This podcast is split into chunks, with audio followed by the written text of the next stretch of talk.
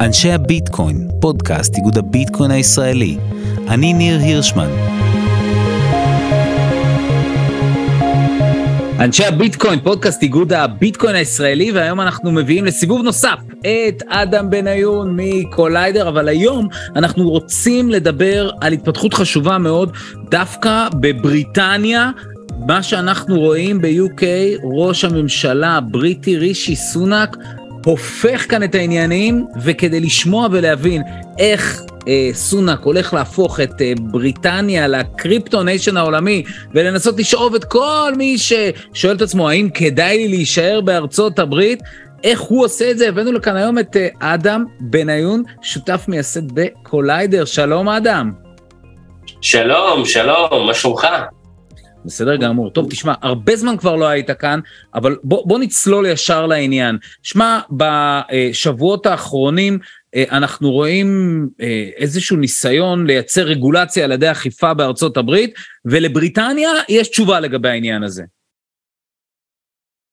כן, תראה, זה לא רק בריטניה, כן? זה גם אה, אירופה ובכלל אה, מקומות אחרים. אפשר לומר שיש איזשהו סוג של אה, ארביטראז' רגולטורי בעולם. אנחנו הרי חיים בעולם שהוא אה, עגול, ואנשים אה, מדברים ועוברים ממדינה למדינה, והאינטרנט הוא 24/7, ובשונה מאוד נגיד מה stock market ומשאר הדברים, קריפטו בסופו של דבר עובד 24/7 גם, אז היה ברור, לפחות לי, שבמידה ויסגרו בארצות הברית את השערים, אז השערים ייפתחו במקומות אחרים. וההתפתחות, אני חושב שהכי מדהימה לאחרונה שאנחנו ראינו, זה לא רק ש... אנגליה בעצם אה, פותחת את השערים שלה ומוכנה לעשות איזשהו סוג של רגולציה,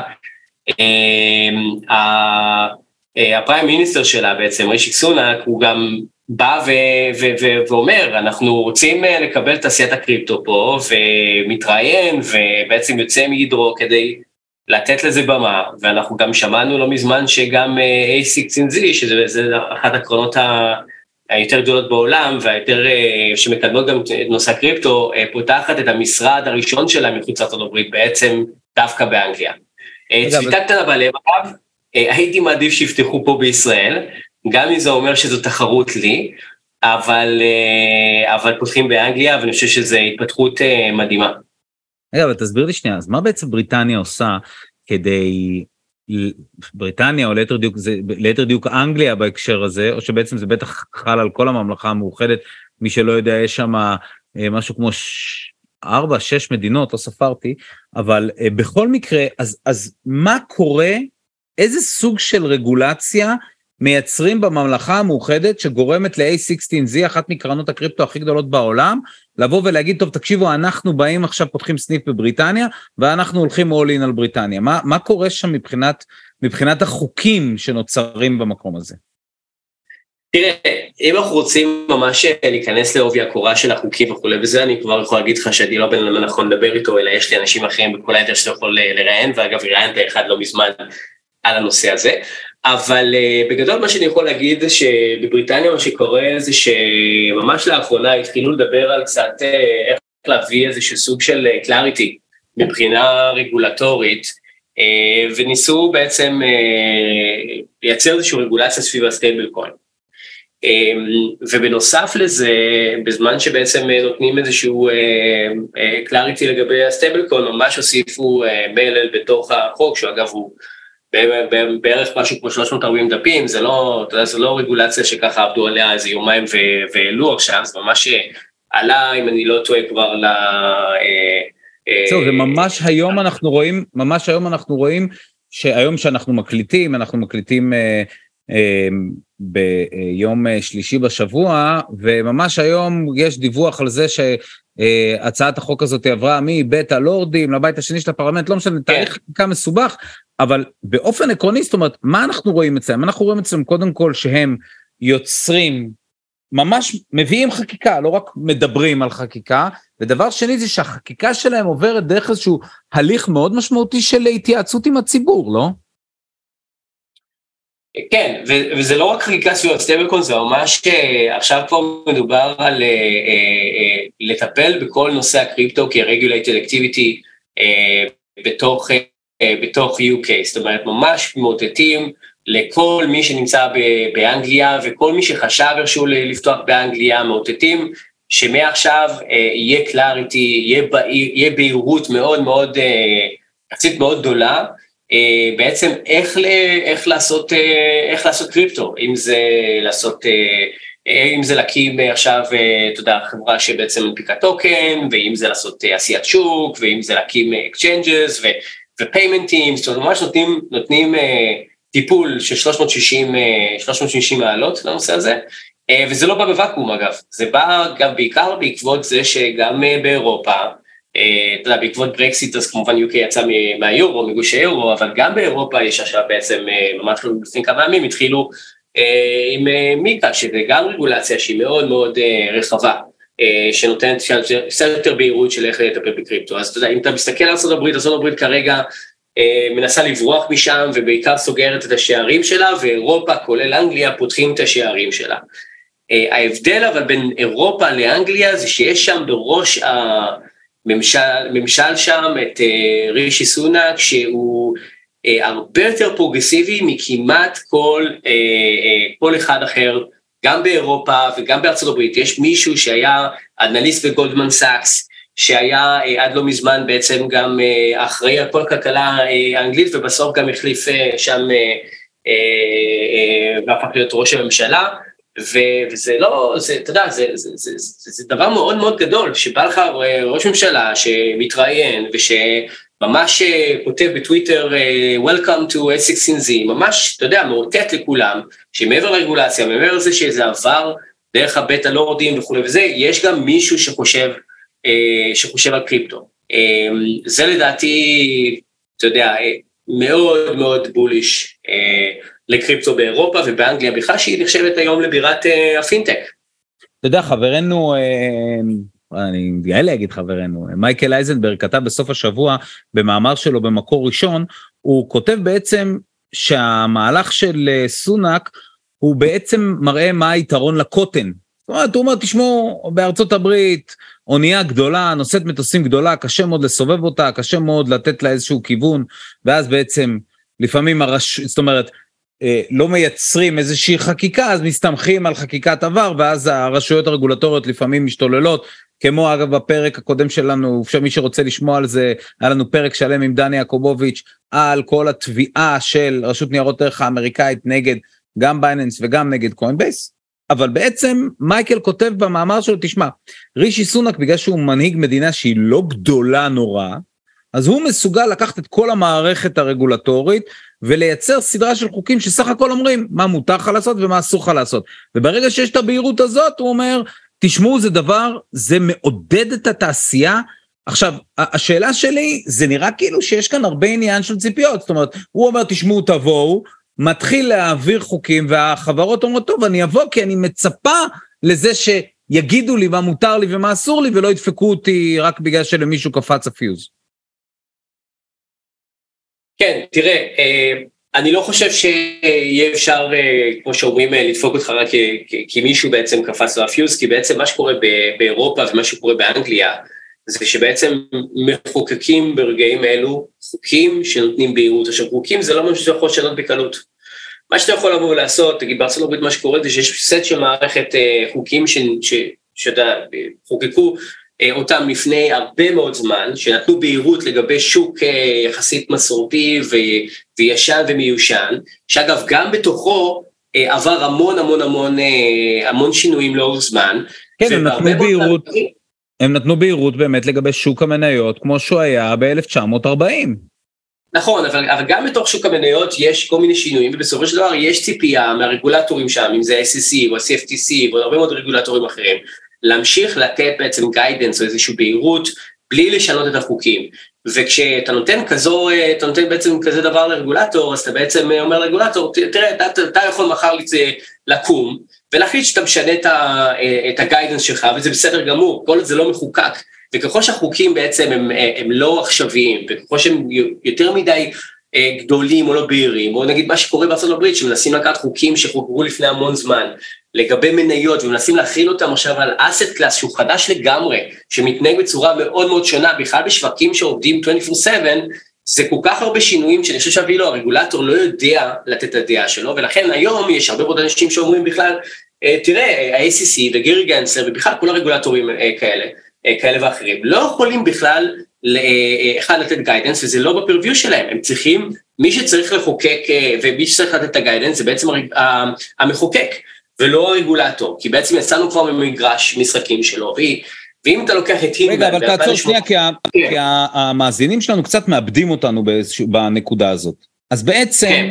יש לנו את גארי גנסלר, שהוא בארצות הברית, הוא ראש רשות ניירות ערך האמריקאית. ו, נכון.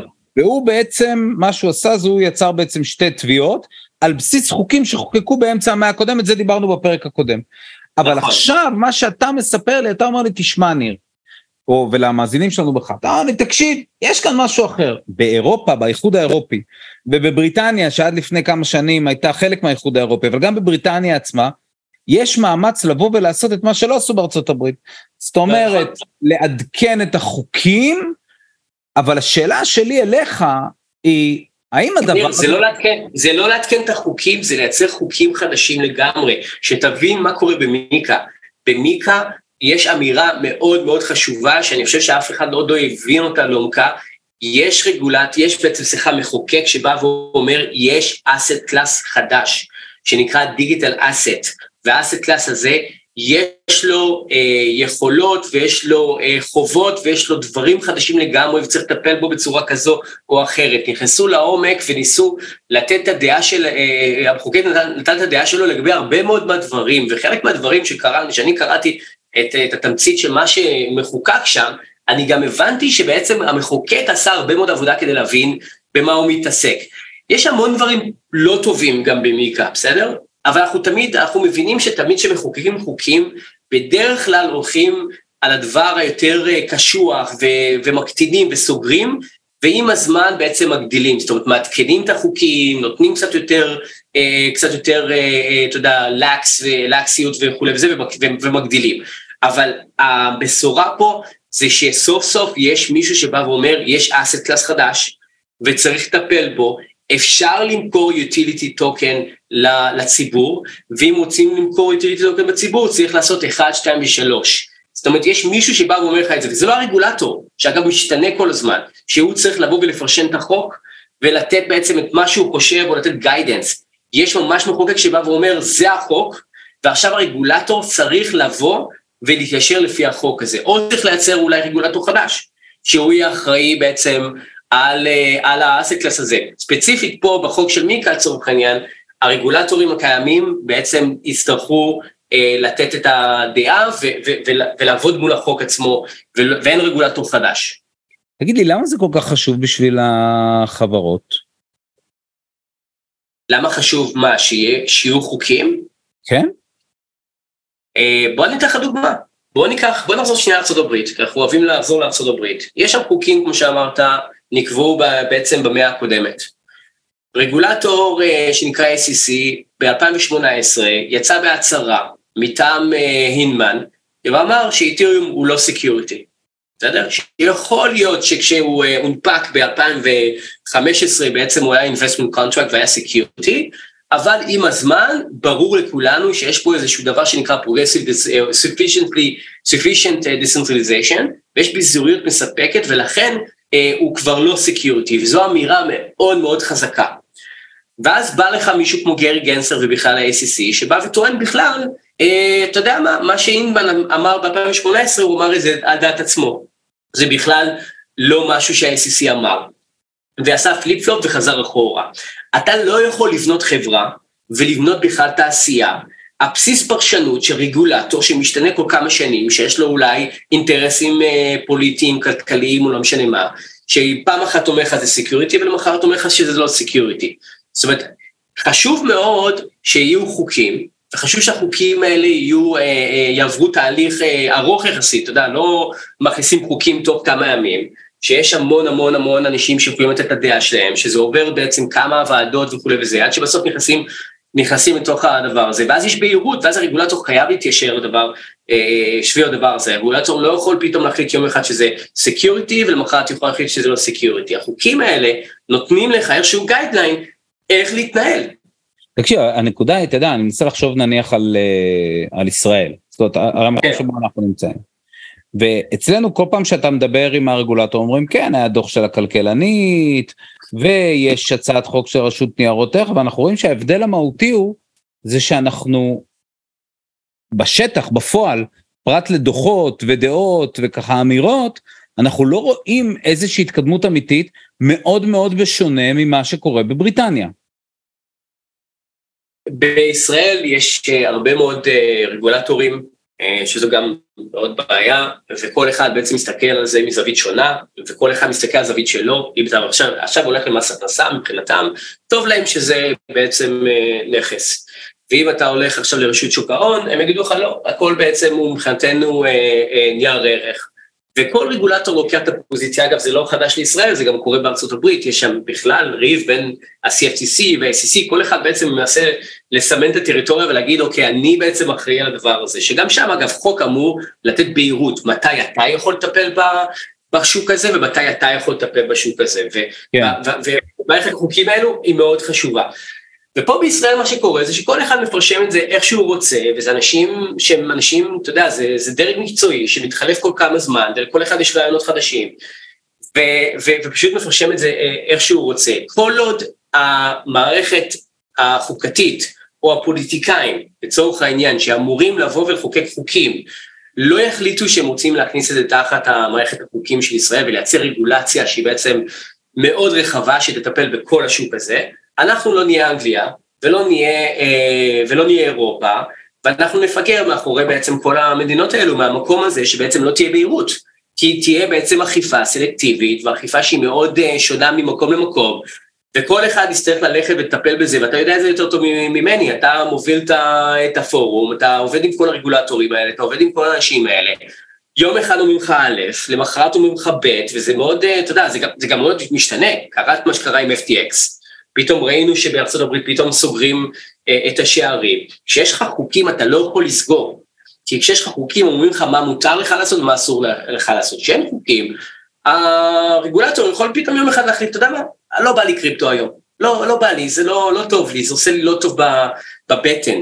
אמ, וזה מאוד מאוד אה, מושפע מהרבה מאוד, אה, אתה יודע, מהרבה מאוד אה, מה כותבים בעיתונים, ומה נאמר ברדיו וכולי וזה. כשיש מערכת של חוקים, זה חוק, עזוב, יש חוק, מותר לך לעשות א', מותר לעשות ב'. עכשיו, גם חוקים הם לא, אתה יודע, יכולים להיות סגורים במאה אחוז, ויכול להיות שיש בתוך החוקים פרשנויות, ואז עושים תיקונים כדי שאתה יודע, שלא יהיה איזה, ואז יש לפעמים גם אתה מגיע לבית משפט, ואז יש בית משפט שבעצם מוציא איזשהו, אה, אתה יודע, איזשהו אה, משהו שהוא פרסידנט, ואז אתה יודע, לוקחים את הדבר הזה ביחד עם חוקים, ואז יש קצת יותר בהירות אה, אה, אה, בשוק, אבל בישראל אה, אנחנו חייבים להתעורר על עצמנו, כי אני חושב שהחוסר בהירות הזו פשוט מייצר אה, אה, מצב שבו יזמים מסתכלים על אנגליה, ומסתכלים על אירופה, וזה לא ארצות הברית, שאתה יודע, זה טיסה עכשיו של 12 שעות, וצריך עכשיו לאגור, אתה יודע, זה הגירה ועוד אה, מיליון דברים, ואיך עכשיו להשיג green card וכולי וזה.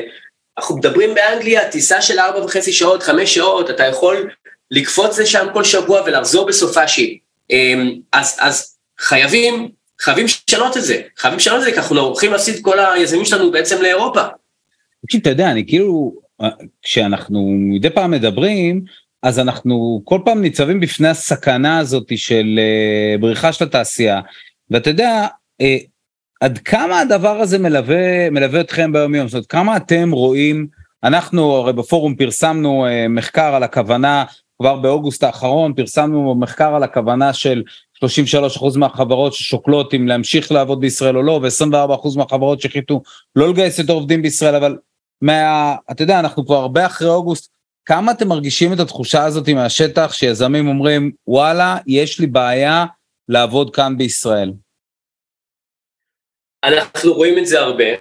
אמ, אנחנו רואים המון, אה, אנחנו ראינו גם יזמים שהחליטו שהם יורדים מהארץ, אה, ממש עברו למדינה אחרת. אנחנו רואים יזמים שמרימים ידיים ברמה כזו של באמת מגיעים לסוף, אה, אתה יודע, לקצה היכולת שלהם, גם ברמה הנפשית, כי זה מאוד מאוד קשוח, אתה יודע, אתה פתאום רואה אה, אתה אחראי על הרבה מאוד, אה, הרבה מאוד כסף, הרבה מאוד אנשים, ואתה לא יודע בעצם אם אתה, אתה יודע, המערכת מגדירה אותך כעבריין באיזושהי צורה.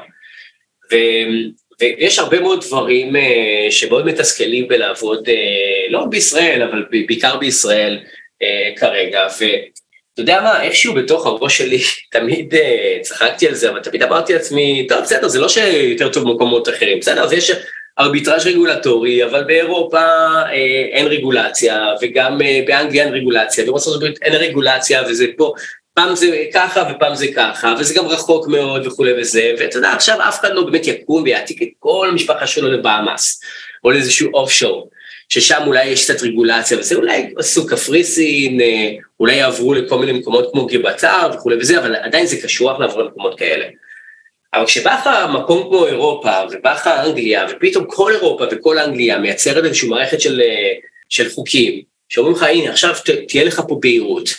להגיד לך את האמת, אני חושב שהולכת להיות אקסלרציה של אנשים שיעזבו פה, הרי למה לא? אתה יכול עכשיו לעבור uh, לספרד, אתה יכול לעבור לאנגליה, אתה יכול לבוא למדינות אה, מצוינות, שנותנות לך אה, את התמיכה, ואומרות לך, הנה, אתה עכשיו יכול לבנות אה, בעצם אה, חברת קריפטו, ולכן אני חושב שדווקא היום, שאנחנו בעצם נמצאים יום אחרי שרי, אה, שרישי סונאק אה, אה, הודיע את מה שהודיע, ועכשיו יודעים שמיג נכנס לתמונה, דווקא היום אני חושב שמדינת ישראל צריכה להתאפס על עצמה, להסתכל על אירופה ולהגיד, הנה השכנים שלנו המאוד קרובים, בואו נעשה copy-paste למה שהם עושים שם, אחד לאחד. למה? כי אנחנו לא יכולים להרשות לעצמנו לאבד כל כך הרבה מוחות למדינות הקרובות האלו, ואנחנו צריכים uh, לשמור על, ה, על, ה, על היזמות, אנחנו צריכים לשמור על החדשנות, כי בלי היזמים האלו יקרו הרבה מאוד דברים. אחד, היזמים האלה יעברו למקומות אחרים וייצרו רווחים במקומות אחרים, יהיה פה אה, אה, אה, כסף בעצם אה, ייעלם, ילך, יברח מהמדינה. זה אחד. שתיים, אתה בעצם דוחף את כל היזמים שלך להקים את החברות האלה מחוץ לישראל, ולכן גם בתור ישראל אין לך יכולת מחר גם לשמור על האינטרסים של הכלכלה שלך ושל המשתמשים שלך ושל האזרחים שלך וכולי וזה, ולכן אם יש איזושהי בעיה, אתה לא יכול באמת לעשות שום דבר. ודבר שלישי, בעתיד, שתצטרך אה, אה, לצורך העניין אה, אה, לבוא ו- ו- ולהחליט לבנות רגולציה, לא לך עם מי להתייעץ. כל האנשים שבעצם יכולים לבנות את הכלכלה הזו יברחו למקומות אחרים, כל המוחות האלה לא יהיו פה. והדבר האחרון, שהוא uh, הכי חשוב, זה בעצם, uh, אתה, אתה תפסיד, uh, אתה לא רק תפסיד את ההובלה שלך, אבל גם אתה לא תוכל לחזור למשחק. כי בעצם לא יהיה לך את, ה, את, ה, את המוחות האלה פה בישראל, לא יהיה לך את ה... זה, זה, זה, כמו לאבד את הזיק הזה, או את, ה, את הלייט הקטן הזה, שבעצם אתה יכול ממש להגדיל ממנו את, ה, את הכלכלה בחזרה.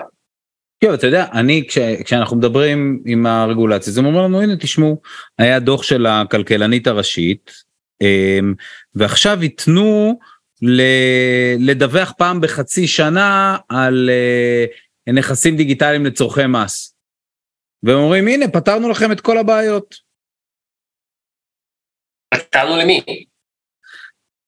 זה מה שאני שואל, זה, אה, תשמע, אני אגיד לך מה אני עונה להם, אני אומר להם, תקשיבו, אתם פתרתם לספקולנטים של המטבע, אבל אתם לא פתרתם את מה שבאמת בונה כלכלה, אתם לא פתרתם לחברות שמייצרות, שמייצרות מקומות עבודה, אתם לא פתרתם לחברות שיוצרות פיתוח כלכלי, אתם לא פתרתם לחברות שיוצרות, שיוצרות מיסוי אמת, יש 3,800 עובדים בתעשיית הקריפטו בלוקצ'יין ווב 3 בישראל, 174 חברות, לא פתרתם להם בדל של בעיה, פתרתם קבוצה של אנשים שהכל בסדר איתה, אבל שהיא עושה ספקולציה על מטבעות.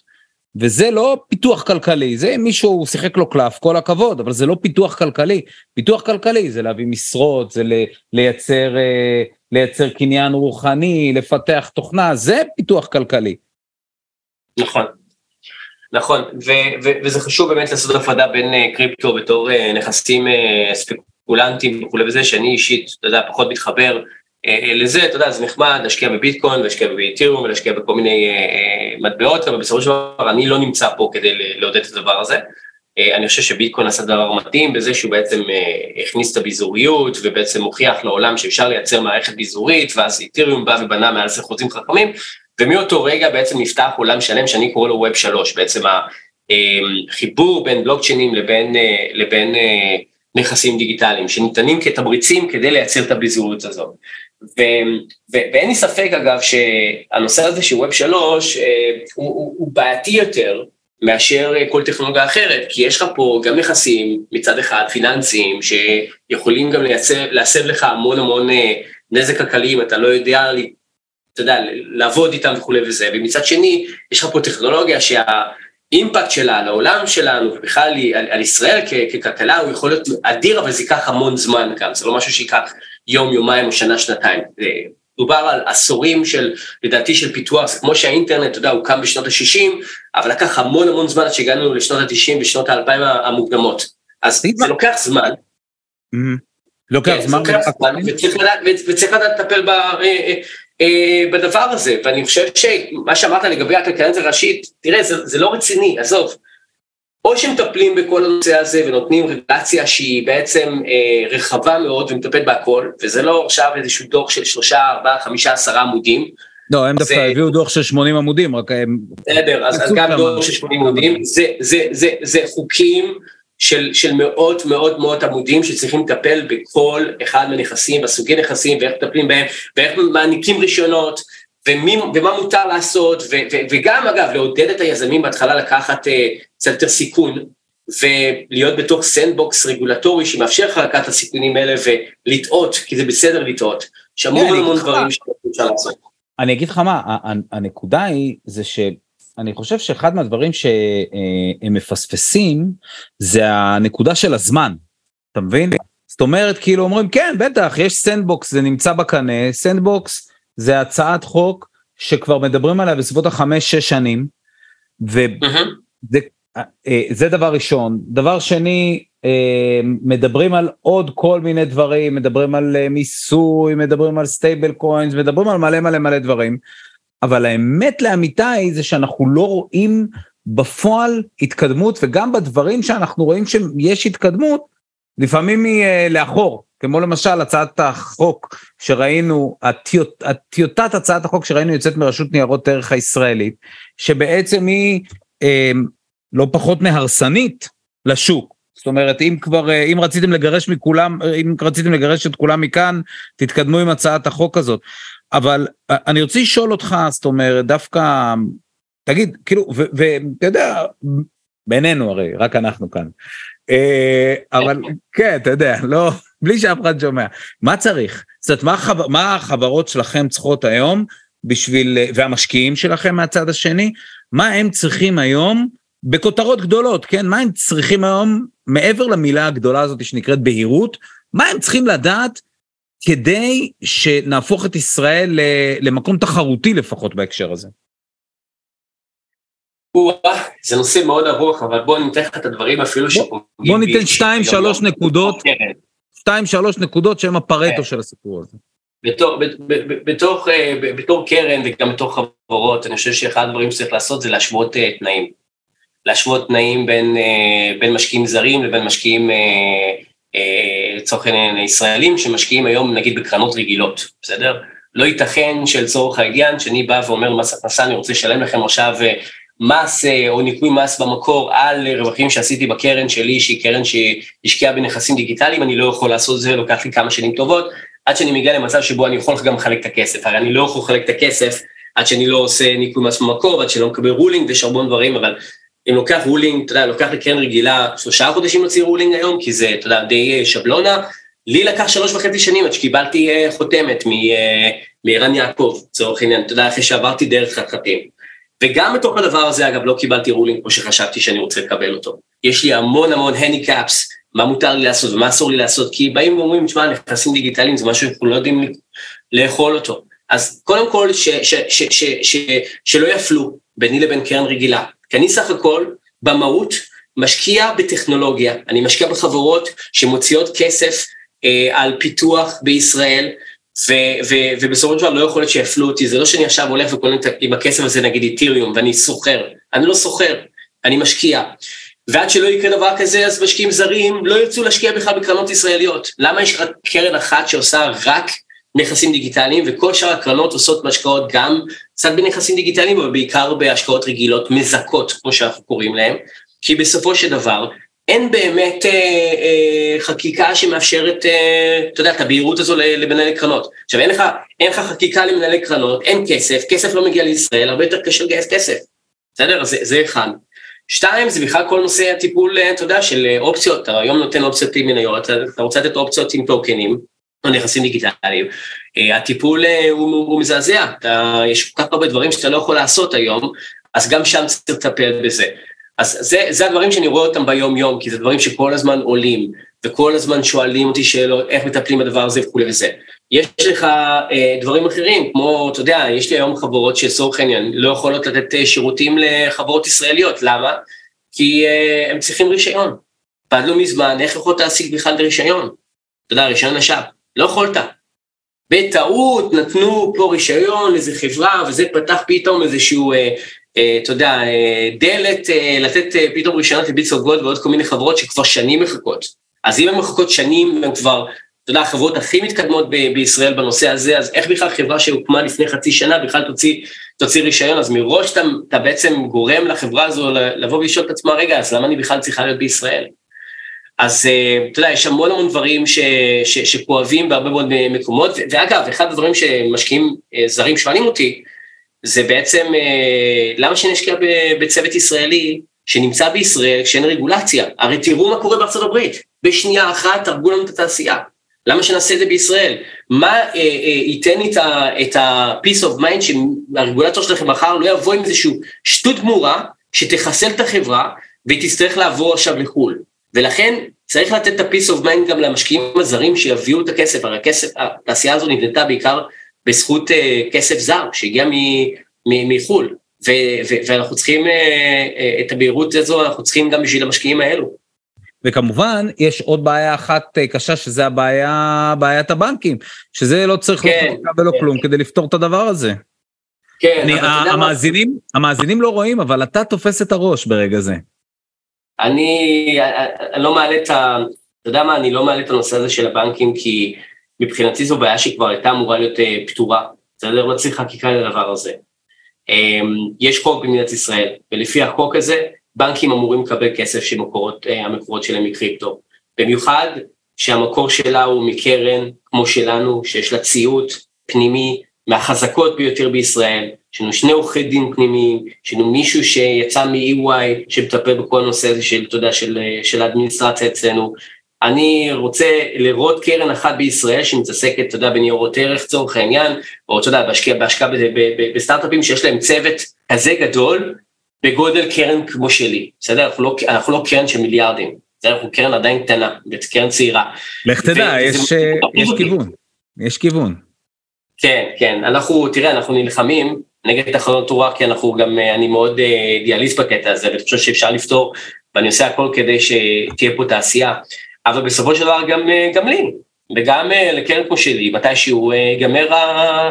אתה יודע, אנחנו כבר לא נוכל לנשום פה, אבל, אבל כן, תראה, אנחנו עשינו לא מזמן, ובפעם הראשונה, distribution למשקיעים שלנו, אתה יודע, החזרנו להם כסף, היה לנו רווחים, עשינו השקעות טובות לפני כמה שנים טובות, וגם שם, כשאנחנו מחזירים כסף, הבנקים פתאום עושים בעיות. לא, אתם לא יכולים להכניס כסף. ו... ואני צריך, אתה יודע, במקרים מסוימים אולי לשלוח מכתב שמסביר למה הם טועים, ואני צריך אולי לפנות למפקח לבנקים, כאילו למה אני צריך להתעסק בדברים האלה? מה עשיתי? אני, אני, אני הרי לא עבריין. אני רוצה להגיד לך, תשמע, אתה יודע, נתקלתי בעוד איזה סוג של, אה, סוג של גישה, שפתאום, אה, אתה יודע, יש אנשים שאומרים, אה, תראו, צדקנו כל הזמן, תראו מה עושים לכם בארצות הברית. ואתה יודע, אני מסתכל על הדבר הזה ואני אומר לעצמי, בואנה, איזה, איזה דבר מדהים זה. יש מצד אחד את מי שאומר, הנה תראו, צדקנו כל הזמן, תראה מה עושים לכם בארצות הברית, ויש מצד השני, כל האיחוד האירופי, ו, ובריטניה שאומרות בואנה תקשיב ולא אתה יודע עזוב אותי אה, אנקדוטות אה, שטותיות כמו אל סלבדור תשחרר אותי מזה אבל מדינות מרכזיות בעולם שאומרות רגע רגע רגע הגישה האמריקאית הזאתי א' היא מוטעית ודבר שני, הזדמנות בשבילנו. אתה מבין? אז אני, אני כאילו אומר לעצמי, וואו, כאילו, איך זה יכול להיות שהדבר הזה קורה? איך זה יכול להיות שאנחנו לא תופסים כאן איזושהי מנהיגות עולמית ואומרים, רגע, עכשיו צריך לחתוך דרך הבירוקרטיה וצריך לייצר כאן איזשהו מצב שאנחנו יוצרים לפחות איזושהי קריאת כיוון, איזושהי אמירה שישראל הולכת בכיוון הזה, ולא סתם בהצהרות לעיתונות, ממש בחקיקה, בלהעביר הצעות חוק, בלתת דברים שבאמת התעשייה תבוא ותגיד, אוקיי, זה טוב, כדאי, זה מביא אנשים. כן, תראה, לגבי, לגבי ארצות הברית, אז ווינסטון צ'רצ'יל פעם אמר, שאתה יכול תמיד לסמוך שהאמריקאים תמיד יעשו את הדבר הנכון, רק לאחר שניסו את כל שאר הדברים. אז אה, אתה יודע, זה שהאמריקאים אה, עושים משהו שהוא ההפך הגמור אה, של מה שאני ואתה חושבים שצריך לעשות, זה לא אומר שאני ואתה טועים והם צודקים כי הם אמריקאים הנאורים והיפים והטובים והכלכלה המדהימה וכולי וזה, כי אגב היום הם כבר לא, אה, אלא בעיקר כי הם עושים המון טעויות ובסוף אני חושב שהם כן אה, יתקנו את זה, אבל זה ייקח עוד קצת זמן. אני חושב שיש לנו בעיה של חינוך, והבעיה של חינוך זה שאנחנו פשוט אנחנו צריכים להסביר לאנשים בעצם מה הדבר הזה יכול לעשות. למה, למה בכלל ביזוריות, למה ווב שלוש, הרי בואו בוא לא ניתמם, בסופו של דבר בתעשייה שלנו, כמו בכל תעשייה שבתחילת דרכה, גם ב stock market זה היה ככה, בשנות ה-70, 60, וגם באינטרנט זה היה ככה, תמיד יש לך גם הרבה מאוד שחקנים שהם פחות טובים, ושהם אפורים, ושהם באים ובעצם עובדים על הארביטראז' הרגולטורי ומנסים בעצם להיות, אה, כמו שאומרים להם, אה, value extractor. ואחד הדברים שאני מאוד מאמין בו זה self-regulation, רגולציה עצמית. אני בתור קרן מאוד מקפיד, ואני אומר את זה לכל הרגולטורים בישראל שמוכנים לשמוע אותי, אני בתור קרן, אתם רוצים לחזק אותי, למה? כי אני עושה את ה-self-regulation, אני שחקן, אה, אה, אה, אה, שחקן טוב, ובתור שחקן טוב אני אומר לחברות שלי מה מותר להם לעשות ומה אסור להם לעשות, כי אני משקיע בהם. ובסופו של דבר אתם רוצים להיות איתי בשיאה ואתם רוצים לחזק אותי. ואני חושב שאנחנו צריכים לחנך את השוק, ואנחנו צריכים לחנך את הרגולטור, אנחנו צריכים לחנך את הפוליטיקאים, שבסופו של דבר הם צריכים להחליט. הרגולטור, אתה יודע, נראה, אנחנו כל הזמן מדברים אני ואתה על רגולטורים, רגולטורים, רגולטורים, רגולטורים. בסוף רגולטורים עושים את מה שהחוק אומר להם. ובהיעדר חוק, הם לא באמת יודעים מה לעשות ולכן הם מתעוררים יום אחד ככה ויום אחד ככה, אבל רוב הרגולטורים שדיברנו איתם, כולל אגב מס הכנסה, מבקשים מאיתנו, בואו לכו תעשו הליך חקיקה, תנסו להכניס אה, בהליך חקיקה מסוים, אה, אתה יודע, איזשהו גיידליין, איך אנחנו יכולים לטפל בכל הנושא הזה, ואנחנו נעשה את זה, אנחנו נשמח. אנחנו בעצמנו לא יודעים, ואגב, הם באמת לא יודעים, חסר להם המון כלים, ואתה יודע, התעשייה כל הזמן משתנה. אבל מצד שני אנחנו גם מבינים שתהליך אה, חקיקתי לוקח המון זמן. אני חושב שיש לנו פה הזדמנות היסטורית. באירופה ובאנגליה, שזה לא, אה, לא מחוקק קטן, זה לא איזה מדינה קטנה, זימבבואה או לזה, למרות שיש לי המון כבוד לכל מדינה, מדובר בגוש האירו ובאנגליה, כלכלות מאוד מאוד חזקות, החליטו לחוקק רגולציה של מאות מאות מאות עמודים, של המון המון המון זמן, אה, חקרו, ואם אתה קורא את החקיקה אתה מבין שיש אנשים מאוד חכמים שלמדו את התחום הזה במשך תקופה מאוד ארוכה, וגם חוקקו חוקים שהם יחסית, יחסית, אני אומר יחסית, טובים וחכמים, כי יש המון גם בעיות עדיין שצריך לתקן, אבל אנחנו מבינים שזה זה, אה, זה, זה, זה התחלה טובה. ויש פה, יש פה, אה, אתה יודע, תמיד אמרו לי, תראה, עד שלא תהיה רגולציה בישראל, באירופה, סליחה, ועד שלא תהיה רגולציה בארה"ב, ישראל כנראה לא תעשה את הצעד הראשון, בסדר? אז קודם כל חבל, כי באמת לישראל יש יכולת לבוא ולהגיד אנחנו יזמים ואנחנו אה, הראשונים ואנחנו נעשה, אה, אנחנו נעשה את הצעד הראשון ואנחנו נחוקק פה רגולציה, לא צריך לחכות לאחרים, בסדר? כי אפשר לעשות דברים לפני כולם, ואפשר להוכיח לעולם שאנחנו גם יודעים ויותר חכמים מהם לפעמים, ובעצם לפתוח פה את השערים ופשוט להתפוצץ כמדינה. אנחנו מדינה קטנה וצריך לחשוב מחוץ לקופסה. בסדר? זה אחד.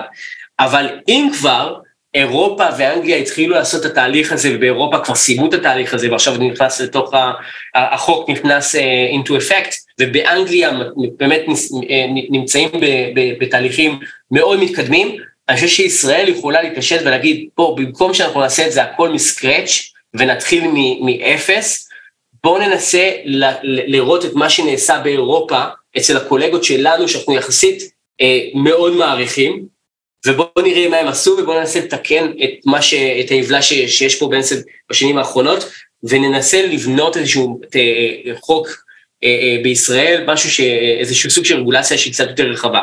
וכשישראל, אה, הברית סליחה, תתעורר, והם יעשו את מה שהם יעשו, אז בישראל יוכלו לתקן ולשנות ולהוסיף ולקדם לפי מה שארצות הברית יעשו, אבל אני כבר אומר לך אגב שארצות הברית, כמו שווינסון צ'ארצ'יל אמר, אה, יתעוררו ויתקנו, הם כנראה יהיו הרבה יותר פרוגרסיביים וליברליים מאשר אירופה. זאת אומרת, אנחנו מראש, אם אנחנו מעתיקים את מה שיש באירופה, אנחנו נותנים בהירות, אבל בהירות שהיא יחסית אה, מאוד מצומצמת, אבל לפחות נותנת קצת מרחב תימון בישראל, ומפה אפשר רק לגדול ולפתוח. אז, אז אני חושב שיש פה, יש לנו פה נקודה שהיא מאוד מאוד, אה, איזושהי אה, הזדמנות היסטורית, שאפשר לעשות פה מהלך בישראל, ובלא הרבה מאוד מאמץ לחוקק פה חוקים, ו- וככה נטביע על הדגל שלנו בתור, אה, אתה יודע, אה, entrepreneurship nation, לבוא ולהגיד, הנה, אנחנו בין הראשונים שבעצם אה, מייצרים פה רגולציה, אה, רגולציה אה, אה, לעולם הזה של ווב שלוש ושל קריפטו. ואם כבר, אני הייתי אפילו אומר, בוא נעשה כמה צעדים קדימה. בוא ניתן יותר ממה שאירופה עושים. בוא נעשה יותר ממה שאנגליה אה, עושים. לא כי אנחנו רוצים ידי חובה, אלא כי אנחנו כן רוצים לעודד, ואנחנו רוצים לעשות דברים מחוץ לקופסה, ואנחנו רוצים לייצר פה innovation שלא קיים בשום מקום בעולם. מעבר לזה שאנחנו רוצים לייצר פה אה, מוחות ולייצר פה יזמים שבונים בתוך ישראל, מישראל ומייצאים החוצה, אה, החלום שלי זה שישראל גם תהיה מעצמה שיעלו אליה לרגל. ואגב, ברמה, ברמה המקצועית, אנחנו כבר שם. אבל אתה יודע מה, אני אפתיע אותך, אנחנו כבר שם גם יותר מעשור. ישראל בשלושה ארבעה עשורים האחרונים השקיעה כמות בלתי מוגבלת של כספים בקריפטוגרפיה ובאבטחה ובהרבה מאוד דברים אחרים שבאמת שירתו אותה כמדינה וכלאום ובמצב הביטחוני ויצרה פה אה, אה, גם בצבא וגם באקדמיה מוחות שאין מוחות כאלו בכל העולם. כולם מסתכלים עלינו, כמו של סוג של אור לגויים, בסדר? לא שאני פחות אוהב ומתחבר למושג הזה, אבל באמת, יש לנו קריפטוגר... אה, קריפטוגרפרים מהמובילים בעולם. ה-MPC, multi-party computation, יצא מישראל ויש המון חברות וכמות בלתי, אה, אה, בעצם היא מוגבלת, אבל יחסית לשאר העולם היא, היא, היא רחבה ומאוד גדולה. וגם ב-Zero Knowledge Proof, אתה יודע, יש לך חברות כמו סטארקוור, ויש לך אה, חברות כמו קדיט, ולא, ולא חסרים. ויש עוד כל מיני אה, טכנולוגיות חדשות שאפילו הם נמצאים ב-cutting edge, שאני לא אדבר עליהם עכשיו, אבל שאני יודע שיש פה כמה צוותים שעובדים עליהם כרגע, והם בין הצוותים הבודדים בעולם שעובדים עליהם. לא מדבר איתך בתיאוריה, ממש ב-applied קריפטוגרפי. אז יש לנו פה את האנשים, יש לנו פה את האקדמיה, יש לנו גם את השם, זאת אומרת, מסתכלים עלינו, כל האקדמיה, כל הפרופסורים בכל העולם מסתכלים על ישראל, ובאמת מעריכים את ישראל כאיזשהו מקום כזה של R&D. הדבר היחידי שצריך לעשות זה לתת להם גם אפשרות לייצר מזה גם דברים שהם, אה, אתה יודע, כמו סטארט-אפים, כמו, כמו IP, שאפשר אחרי זה לייצר אותו ולעשות ממנו כסף.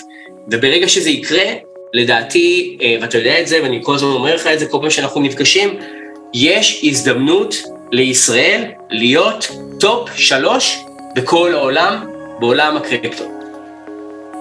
ובנימה האופטימית האופטימית הזאת, אנחנו נסיים כאן. אדם בניון, שותף מייסד ב Collider, תודה רבה.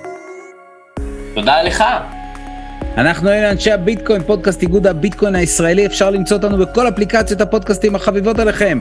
כנסו לאתר של איגוד הביטקוין הישראלי, יש שם את הלינק לקבוצת העדכונים שלנו, תיכנסו ותוכלו לקבל עדכונים על כל מה שאנחנו עושים, אה, בין אם זה מיטאפים, אקתונים, אירועים, שעות קבלה, הכל. אדם בניון, תודה רבה. תודה.